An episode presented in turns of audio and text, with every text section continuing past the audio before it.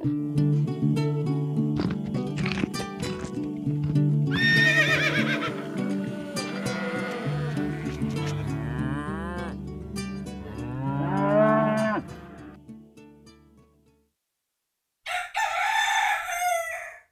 ønsker vi velkommen fra studio kjøkken Gjengevold mangesysleri. Det er på tide med en ny episode med Gjengevold og pludrekast. Vi har fyr på peisen, vi har kaffekoppen, vi har kosebukser på. For nå er det mandag morgen, og hvis vi ser trøtte ut, så later vi som at vi ikke er det, for da går det bra. Yes. Whoop, whoop. Woo, woo. Du, I dag Du har, du har um, reist deg opp. Jeg reiste meg opp eh, fordi forrige gang så hørtes jeg så sinnssykt trøtt ut. Beklager hvis noen sovner mens dere hørte på dere. Eh, På oss. Ja, flott. Jeg var trøtt. Eh, jeg er trøtt, men det har jeg ikke tenkt å la stoppe meg fra å ha litt energi. Nei. Sa jeg med litt oppspilte øyne nå, tror jeg. Så, eh, det er godt dere bare hører meg. OK. I dag skal vi snakke om eh, hva det egentlig handler om, det der med å drive og går, eh, på ene sida. Og så skal vi snakke om eh, hvordan det eh, eh, blir sett på. Eh, eller noen myter eller eh, fordommer, kanskje. Mm, Ja. Men eh, før det, Mari, ja. hva gjorde du i helga? Um, jeg sang. Jeg um, spilte inn plate. Ikke jeg alene, da, men sammen med koret mitt. Ja. Så jeg har, uh, jeg har sittet hele lørdagen og hele søndagen i en kirke og sunget og sunget og sunget. Vil du si at eh, For det høres jo veldig kjekt ut, for så vidt. Eh, Det er jo veldig annerledes fra livet her ute Mm. i, i, Kokkevoll. Um, Man kan jo definitivt si at det er et avbrekk. ja, nettopp. Om det er et veldig avslappende avbrekk, det kan jeg ikke si, men det er jo du kommer jo hjem ganske sliten. Det er jo ikke å stikke under en stol. Nei. Og så er det jo ja, en times, uh, times halvannen kjørevei begge veier, og så er det syv-åtte timer med intenst arbeid Ja. i helgen, når du egentlig skal greier. prøve å slappe litt av. Men Ja. um, nei, um, det er jo dette koret da som jeg eh, Som jeg eh, var med i uh, hele tiden da jeg bodde i Bergen. Og så Mm. flyttet vi ut hit, og så måtte jeg ta en pause, fordi det gikk ikke opp. Uh, og nå har jeg da på en måte blitt med på prosjektbasis. Sånn eh, litt. En gang iblant. Ja, eller liksom sånn for en periode av gangen, da. Ja. Så nå har du vært Så nå har jeg vært med på dette plateinnspillingsprosjektet. Ja. Og, um, Seks uker eller noe sånt? Ja. Ja. Og da var det jo uh, over et halvt år siden jeg hadde sett, sett det, da. Mm. Så det var veldig, veldig, veldig veldig fint. Ja, så bra. Fint å lage litt musikk. Når er neste gang du skal innover det? Nei, nå um, blir det vel ikke noe mer sånn ordentlig før til etter jul, da. Nett. Men vi skal ha julekonsert i desember. Ja, skal, Eh, får du lov til å bli med på den? Eh, Det er jo julekonsert skråstrek eh, plateslippkonsert Ah. av denne platen.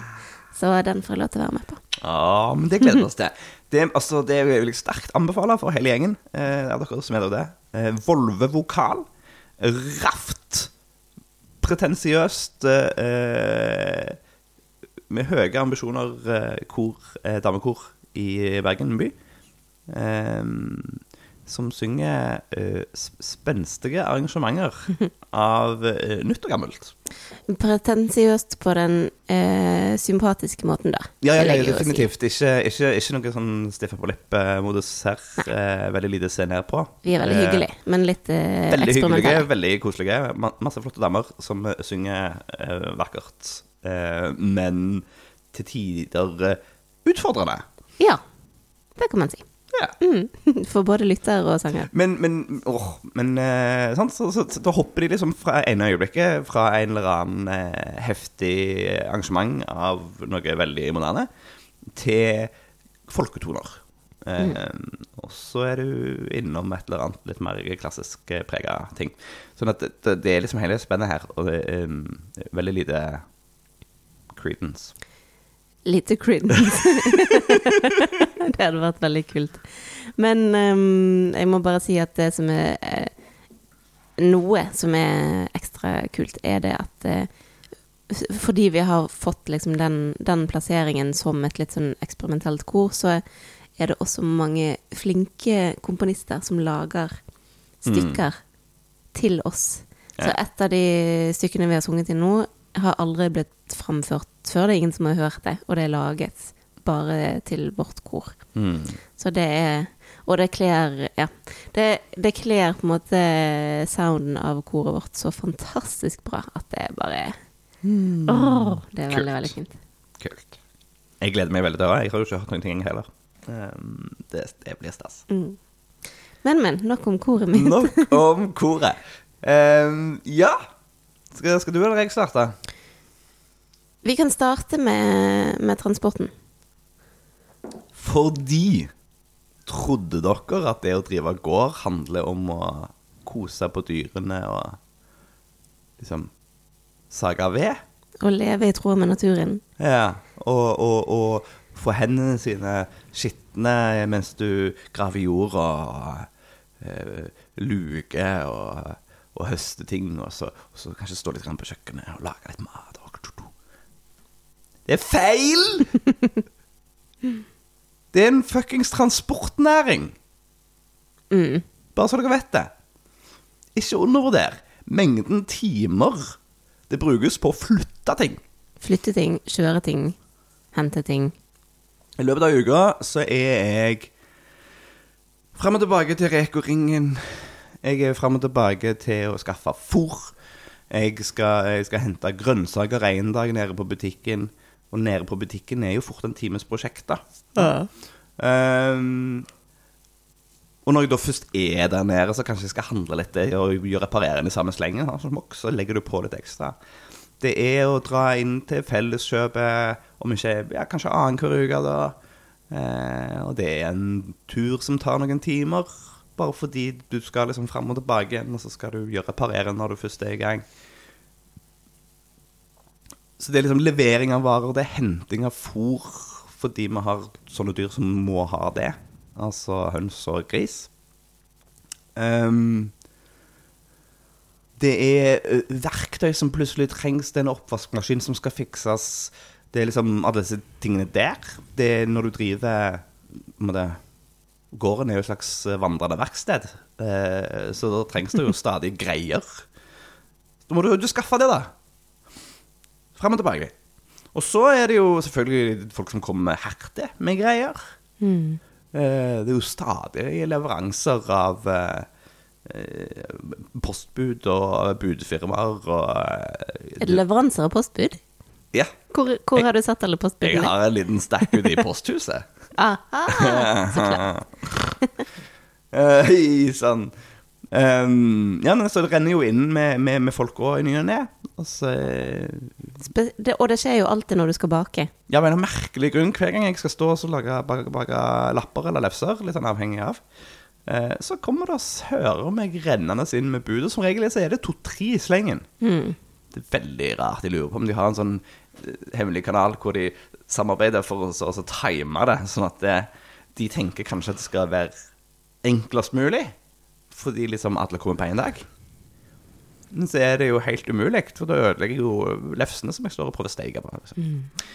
Eh, Og så er det jo å eh, bruke opptil flere dager på å eh, prøve å frakte eller hente griser. Ja, er du gal? Altså, så mye tid jeg brukte på den der purka der. Nå er jeg jo endelig hjemme. Endelig. Men eh, fy søren for ei sære purke. Hun nektet å gå på hengeren. Ja. Og det, hun gikk jo der sammen med to andre, og de var sånn. Helt uproblematiske. Ja.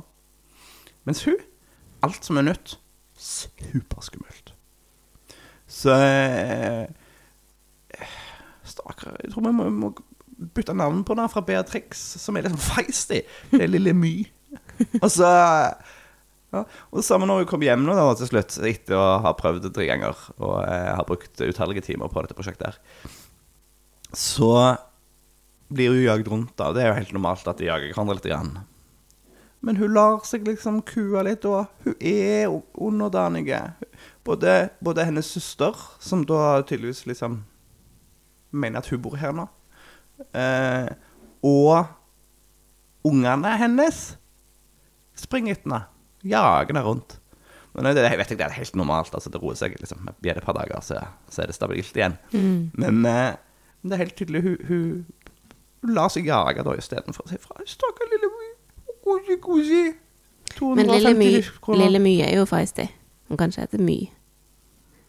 Ja, nei, det er poeng. Pl- pl- Plutti, putt, putt. Ja, ja. Uansett, da. Men jeg lurer på hva som um... Det skjedde etter at du fikk unger, tror jeg. Ja, ja, kanskje det, ja. Jeg håper at det ikke er eh, genetisk i den forstanden at eh, alle ungene vi skal eh, avle videre på, eh, kommer til å få Nei sånn da. Nei da. Men ehm, eh, Vi må tilbake igjen til det vi skulle snakke om, for jeg, Ja. jeg holdt på å rante litt. Grann. Men du ble jo um, Før du ble bonde, så ble du jo tross alt advart av en annen bonde om at eh, bonding innebar uh, flytting. Ja. Eh, og på det tidspunktet så forsto jeg det dit hen at det handla om å liksom få fôr ut på marka og fôre dyrene. Og kjøre vannlunker hvis du hadde dyr på beite hvor det ikke var så godt nok tilgang på vann. Og sånne ting. Mm. Eh, og kanskje liksom høste gress til fôr og sånt. Og det, har det, jo, det er det jo i aller høyeste grad. Så, så det er jo Fortsettelsen av ranten min er jo at er du ikke ute og sitter i bil og kjører rundt omkring og transporterer, så er det faen meg transport på gården nå. Det er det oppi trillebåret eller oppi ATV-en. Fram og tilbake med vann og fôr og kompost og møkk og drit og lort og fanteri. Det eneste jeg gjør, er å flytte på ting. Ikke bare, men veldig mye. Veldig mye. Men eh, nå skal det sies at den delen av flyttingen som skjer på gården, er jo stort sett egentlig bare fint. eh, men eh, dere som har lyst på denne romantiske gårdsøvelsen Ikke tro at dere ikke skal sitte i bil. Bare, bare vet at det blir noen timer i bil. Men kan det bli bedre, tror du? Eller kommer det til å være sånn som dette alltid? Jeg tror Det kommer litt an på. Eh, Det kommer an på om jeg klarer å bunche flere ærender sammen. Det syns jo at du er ganske flink på allerede. Jeg, ja, men jeg prøver jo. Nei, jeg prøver jo. Men det er ikke så himla enkelt. Og det blir stadig en tur til. Og så hjelper det jo ikke at vi bor i gokk, sånn at hvis vi skal typ være sosiale, eller oppleve et eller annet, så må vi jo hoppe i den bilen, da. Ja. Det, det er jo virkelig um, det dumme med å bo på landet. At uh, det er alltid vi som må flytte på oss. For uh, det er det, De tingene som skjer, skjer alltid et annet sted. Og hvis du bor i byen, så, eh, så Ja, du må jo gå ut av huset ditt, liksom. Men det innebærer kanskje en gåtur eller en kjapt busstur for å komme dit du skal. Mens ehm, jeg merker jo det sjøl, at det blir veldig, veldig mange timer i bil. Og spesielt, tenk hvis jeg skal dra inn på kontoret eh, først, som er i motsatt retning av byen, og så skal jeg inn til byen på kvelden. Det blir eh, nesten fire timer i bil, det. Ja, de der tirsdagskorøvingsgreiene eh, dine har jo vært ganske heftige. Ja. Um, og det um, Nei, det, det sitter eh, langt inne for meg å liksom, akseptere at det skal være normal. Mm. Så det har vært litt mye bilkjøring i det siste. Jeg håper det blir litt mindre. Ja, jeg tror at uh, eneste måten jeg kan få det til på, er Ja, kanskje jeg kan få det ned i to dager i uka, da. Hvor jeg kjører, men da er det mange timer når jeg først kjører. Mm, det, er jo, det er jo voldsomt også fordi at uh, vi selger på Reko hver uke. Ja, Det er jo altså, det er klart at det er en av de store bolkene. Um, og det er jo den Hvis jeg skulle prøvd å være uh, enda mer rasjonell i tidsbruken min, så ville det vært når jeg først da er ute den torsdagen, så får jeg gjort flere av ærendene. Ja, men det Men blir det, jo ikke tid til. Nei, sant, for det, i forkant så er det jo preppen til rekon. Det tar som regel hele dagen. Mm. Uh, det tar avhengig av det og dagen før. Eh, så det er ikke så helt enkelt å få til å gå opp. Nei. Men jeg, jeg tror at vi etter hvert kommer til å bli enda flinkere til å planlegge. Fordi Fordi um, det er jo mange av de turene du og jeg for så vidt har måttet ta, som er et resultat av Oi sann, det har vi glemt. Eh, vi må handle det òg. Og det trenger vi nå, fordi eh, vi kan ikke vente til neste uke. Og så blir det en ekstra tur, bare for den ene lille tingen. Ja. Jeg må jo si, da, av og til så tar jeg en, en handletur før strengt, Før det er strengt tatt nødvendig. Fordi det er godt å komme seg ut òg, av og til. Eh, så det er jo Ja, så det skjer òg. Men, men de turene telles ikke med i dette regnestykket her. Men hvor mye prosent av din eh, bondetid vil du si du bruker på kjøring? Altså ut fra gården Nei, alt. All Nei, ut fra gården. Ta ut fra gården. Ja, for det, Det er jo så er det vi som liksom på 90. Sant? Altså Jo, altså hvis du tar med liksom trillebårflyttingene, så er det jo fort, liksom. Ja. Nei, men ut av gården ah, Du, det var et vanskelig spørsmål, da. 40 mm. Fordi avstander, liksom. Sånn at når du først er av gårde, da, så, så tar det så mye tid. Eh, Kanskje det tar jeg litt? Nei, jeg tror ikke det. det, det ja, igjen, når du først er ute og kjører, så, så tar det en del tid. Mm, nei, vet du hva? Jeg, jeg, jeg, hadde jeg hatt en vanlig jobb, så hadde det vært 40 Kanskje. Eh, men siden jeg går og jobber i helgene, og utover kveldene, så er det jo litt mindre. Ja. Ok. Eh, men men eh, det er, er såpass mye at jeg kjenner på at det går på bekostning av de tingene jeg gjerne skulle fått gjort på gården. Det er jo kanskje det største frustrasjonen. Enten fordi jeg er sliten, spesielt etter en sånn Reko-utlevering. Da er det jo masse folk og masse styring, og det har vært prepp i forkant. sånne ting. Men selve kjøringen tar på, altså. Ehm, eller bare fordi rent fysisk så er jeg ikke hjemme. Da får jeg ikke gjort noe her. Eh, Men eh, Ja, nei, det er jo egentlig det verste. Ja. At, eh, at det, det tar så mye tid og energi. Og det er, det er jo sånn Dagen etter Reko er jo min søndag, på en måte. Eh, i hvert fall å tillate meg sjøl å slappe litt av, da. Fordi da er jeg gåen. Så da, da går jeg litt saktere og har ikke så store ambisjoner for å få gjort ting. Og da har jeg jo mista på en måte Reko-dagen, og så, og så mister jeg halvparten av dagen etterpå. Og så har, har jeg kanskje mista halvparten av dagen før og til Reko. Nå er nå det sagt, da. At det er jo ikke å miste til Reko blir feil. Fordi Nei. det er jo faktisk det vi driver med, og eh, det er ganske trivelig å treffe alle disse folkene. Ja, fordi jeg tror jo at mye handler om, eh, om eh, hva som skjer inni hodet vårt, og hvordan vi tenker på eh, ja, På hva som er eh, ekte og riktig jobb, og hva som er tullejobb. Mm. Og hvis det er sånn at vår forestilling om det å være bonde er at vi er ute på gården og jobber med dyrene eller med jorden, og at alt annet enn det er distraksjoner, så er det jo klart at eh, det blir veldig mye frustrasjon for oss når det er så mye tid som går bort. Ja. Så um, jeg, jeg tror jo òg at vi må avfinne oss med at eh, det å handle ting til gården, og det å selge ting fra gården på Reko og møte kunder, det er jo en like naturlig og viktig del av det å være bonde som Mm, mm. det å være med dyrene. Ja da. Det som er, er fascinerende er for det, for det, Jeg vet jo det. Sånn at det er på en måte Det er ikke jeg, Ja, men vi vet det begge to, men det er jo det å føle det, da, Ja. som vi ikke helt klarer å gjøre. Det er der jeg ofte bommer. Det er når jeg tenker Å, jeg mangler Å, jeg skulle trenge eh, noen greier for å fortsette denne jobben jeg holder på med. Jeg bare slenger meg i bilen, og så stikker jeg og henter det. Og da er liksom minstetidsbruken som er involvert i det, er kanskje tre kvarter.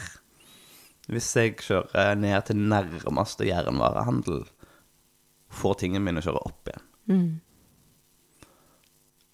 Men hvis jeg må bitte litt lengre, så er jeg på minimum halvannen times tidsbruk på å bare slenge meg i bilen og så skaffe den greia som jeg tenkte på. Ja, men på halvannen time, to timer, tre timer eh, Det tar plutselig en svær chunk av en dag, det. Mm. Når du bare skal Og bare trenger.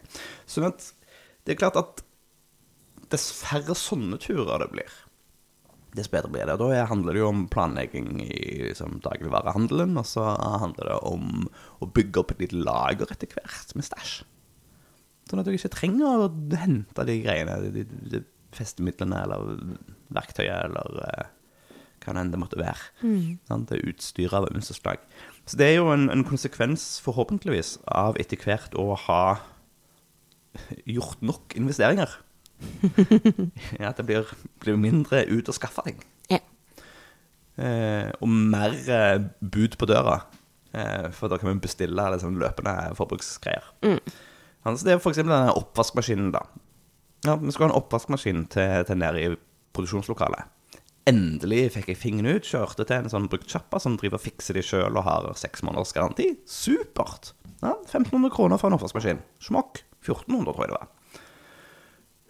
Ja, da har vi lyst på en sånn, sånn steamer eh, Eller hva er det det? Det? det er sånn, sånn profesjonell eh, oppvaskmaskin seinere, men det brukte vi ikke penger på nå. Og jeg tenker vi, ok, det det er godkjent eh, Mattilsynet å bruke vanlig eh, oppvaskmaskin så lenge du kjører den på liksom, full pupp. Eh, så da skaffer vi det. Fikk den installert. Virka ikke. Så da har jeg hatt én tur hvor jeg har skaffa det. Som jeg tok på en annen tur, samme tur, hvor jeg dro og så slynga honning og gjorde et par andre ærender når jeg først var i gang, liksom. Så, som det var en god ettermiddag kvelding. Men nå må jeg nok en tur til byen med oppvaskmaskinen.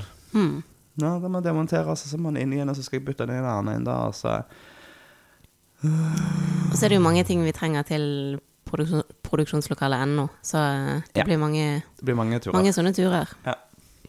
Fram til ting er liksom omtrent der vi vil at det skal være. Men jeg gleder meg til vinteren, jeg. Så jeg har lyst til å snø inne. Skal vi få lov til å snø inne i år? Ja, det er litt upraktisk. Ja. Ja. Men jeg Det er liksom kvitt og kaldt ute, fyr i ovnen inne, ut og så sage litt ved, og så inn og så varme seg. Du gleder deg ikke til vinteren? Nei. Og jeg syns det har blitt så mørkt allerede. Nå er det mørkt når vi står opp, hvis jeg står opp tidlig. Og det blir mørkt så tidlig på kvelden. Men det er lyst Og så skal det tre måneder til med mørkere. At det blir mørkere og mørkere før det snur. Ja. Nå, Så dette er den tiden vi har foran oss men du, Bari, Ja. nå graver vi. Ok. Um, vi, skal, vi skal gå litt videre. Yes. Eh, så eh, gårdsdrift, transportnæring, eh, vanskelig å gjøre noe med. Neste.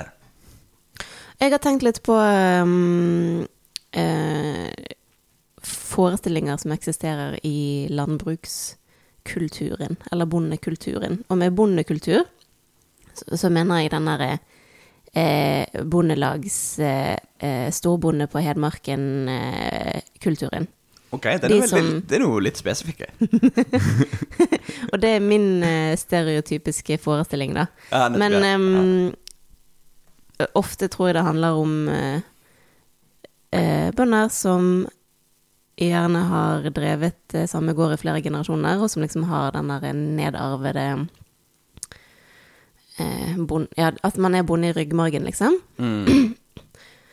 Og som kanskje har eh, fulgt eh, statens eh, vennlige oppfordring om å investere over evne og bli stor og effektiv. ja. Ja, og det tror jeg Det har jo veldig mange gjort. Ja. For det er jo det som har vært det en skulle gjøre. Ja, ja. Det er er klart. Det har vært eh, forventningen, og det har vært de økonomiske virkemidlene. Jeg kjenner meg sjøl godt nok til å vite at jeg hadde sinnssykt fort havna i samme fella. Hadde jeg vært i en sånn situasjon. Ja, det kan det godt være, for man har jo vel kanskje ikke opplevd at man har noe alternativ, da. Nei. Men det som da har skjedd, er jo at um, det parallelt med dette har utviklet seg en, en virkelighetsoppfatning eller et narrativ om at uh, det er sant og riktig og bra å gjøre det på den måten. At man uh, At det er det ekte bønder gjør. De eh, produserer mat, og de produserer mye mat, og det er det eneste som er viktig. Mm. Og det har jo ført til da eksempel den situasjonen med at eh, vi har noen få veldig, veldig store industrielle grisefjøs. Hvor man har hundrevis av dyr inne i en betongkloss, som, gjerne er dyr, som er gjerne er bygget på dyrket mark. En betongkloss på dyrket mark med dyr inni, som ikke spiser eh, noe som helst som kommer fra gården. Mm. Du, det lurte jeg på. Eh, har du noen gang sett en sånn historisk utvikling av eh, griseholdet i Norge? Mm, nei, ikke annet enn salgstall. Yeah. Og Nei. salgstallene har jo gått dramatisk opp. Ja, det har de. Men jeg skulle gjerne visst hvordan, hvordan det hang sammen, og gjerne kobla salgstallene med, eh, med hold, hold, holdstype. Eh, altså variant av dyrehold. Hvor- Hvordan det så ut praktisk. Eh, det kunne vært en interessant eh, sammenligning. Mm. Jeg tror jo den veldig store utviklingen, da, hvis du kan kalle det det, skjedde på 80- og 90-tallet. Ja. Den virkelige industrialiseringen av grisenæringen. Som i dag Grisenæringen og hønsenæringen, altså egg og kylling, er, er industri i Ja. dag. Men- i hvert fall, Uh, myten som da Som jeg har tenkt litt på, er uh, myten som da disse uh, ekte bøndene har om sånne som oss, egentlig. Sånn, eller sånne By, byfolk, fra by, byfolk fra byen, ja, som kjøper seg småbruk. Ja, og de trenger jo ikke være byfolk heller, men, eh, men det er jo som regel byfolk som får unngjelde da når disse bøndene skal snakke om, eh, om folk som eh, har lyst til å ha et liv på landet, og som kjøper småbruk. Føler du deg tråkka på? Jeg eh, Ja. Altså, du, du driver jo og snakker høyt i diverse eh, sosiale medier, forer. Eh, du er jo ikke redd for å ta tak i en diskusjon hvis noen tar feil på internett. Nei. Har du i den sammenhengen eh, opplevd eh, disse fordommene? Ja, så klart har jeg det. Og, og det er jo ikke som om det er sånn eh, Det er jo ikke meg, Mari, og min eh, eh, såre stolthet eh, som er det store problemet her. Men, men det som jeg syns er veldig synd da med at det ikke blant alle bønder, men blant noen bønder eksisterer en del fordommer mot de som som vil drive, men som driver da smått sammenlignet med Mm. deres skala, er det at uh, um, Det forhindrer jo Altså eh, Konsekvensen av å presse ut alle de små er jo at eh, jord ikke brukes. Ja. Det er jo det som er konsekvensen. Og så har Samtidig med den der eh, satsingen på, eh, på utviklingsbrukene eller på bøndene som vil bli store, så har man også hatt en sånn forherligelse av fulltidsbonden. At man skal belønne de som vil satse, og som har lyst på eh, fulltidsarbeid på gården. Mm. Eh, ikke det at de ikke har hatt fulltidsarbeid fra før, men nå har de kanskje fått eh, to eller tre ganger eh, eh, års eh, Hva heter det for noe? Årsverk da, på gården. Uten at det nødvendigvis har ført til så veldig mye større inntekter, akkurat. Men eh, samt, det har jo òg da innebåret at eh, man har sett veldig ned på de som driver med deltidsbruk.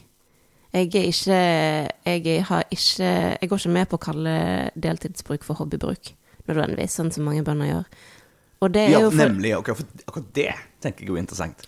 Ja, fordi at um, ehm, man må kunne poenget er jo at man må kunne eh, tenke, altså time for time, at de timene du putter inn i et gårdsbruk, de gir deg en rettferdig timelønn, uansett om du jobber 20% eller 40% eller 100% eller 200% sånn som de fleste bønder gjør. Mm.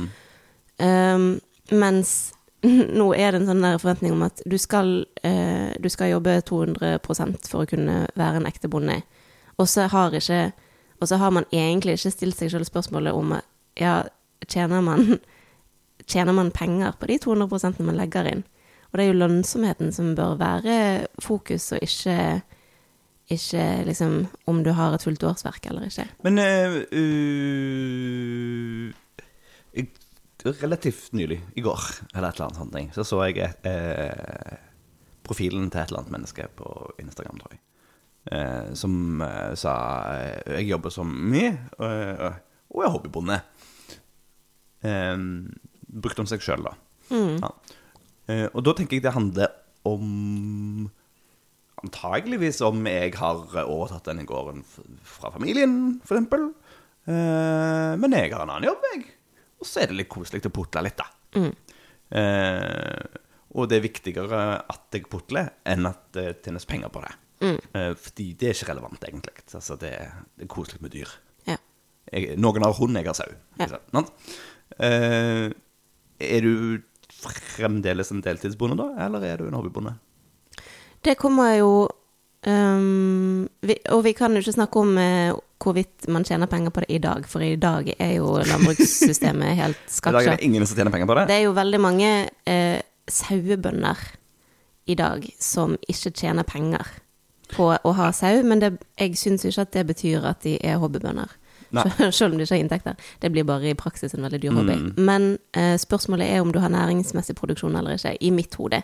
Ja, okay. Hvis du, hvis du har tre sauer som kjæledyr, og aldri slakter og aldri leverer inn, eller hvis du mm, kun eh, har dyr eller grønnsaker til eget bruk, en liten kjøkkenhage eller et eller annet sånt som det, men ikke selger noe, altså ikke, ikke bidrar til samfunnets matproduksjon utover at du dekker dine egne behov, mm, da er det hobby.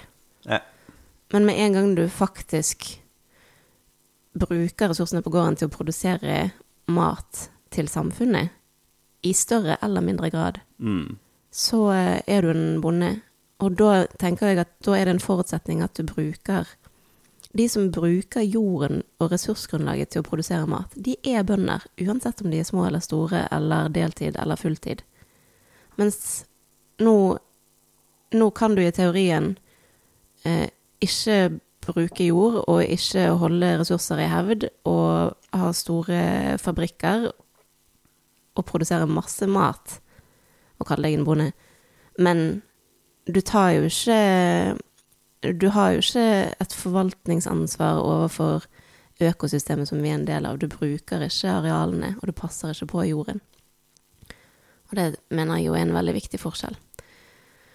Sånn at det som er historisk sett, er jo at de aller, aller færreste har vært heltidsbønder. De har jo vært mangesyslere, sånn som det vi er nå. ja. Og Det har jo vært helt naturlig, det at du bruker, du bruker en god del tid på å produsere mat og, og skjøtte gården din, og så, og så er du kanskje skogbruker om vinteren, eller eh, fabrikkarbeider på si, eller postbud, eller eh, du kjører ting, eller frakter, eller eh, er håndverker. Man har jo hatt mange ulike inntekter for å få hjulene til å gå rundt, og det har vært helt naturlig.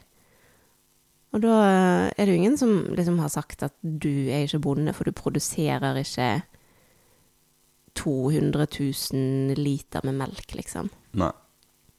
Og det er ikke noen um, Det er ikke en bra vei for landbruksnæringen å gå, da. At det skal være en sånn intern kamp om hva som skal være den ekte bonden, fordi vi trenger absolutt alle.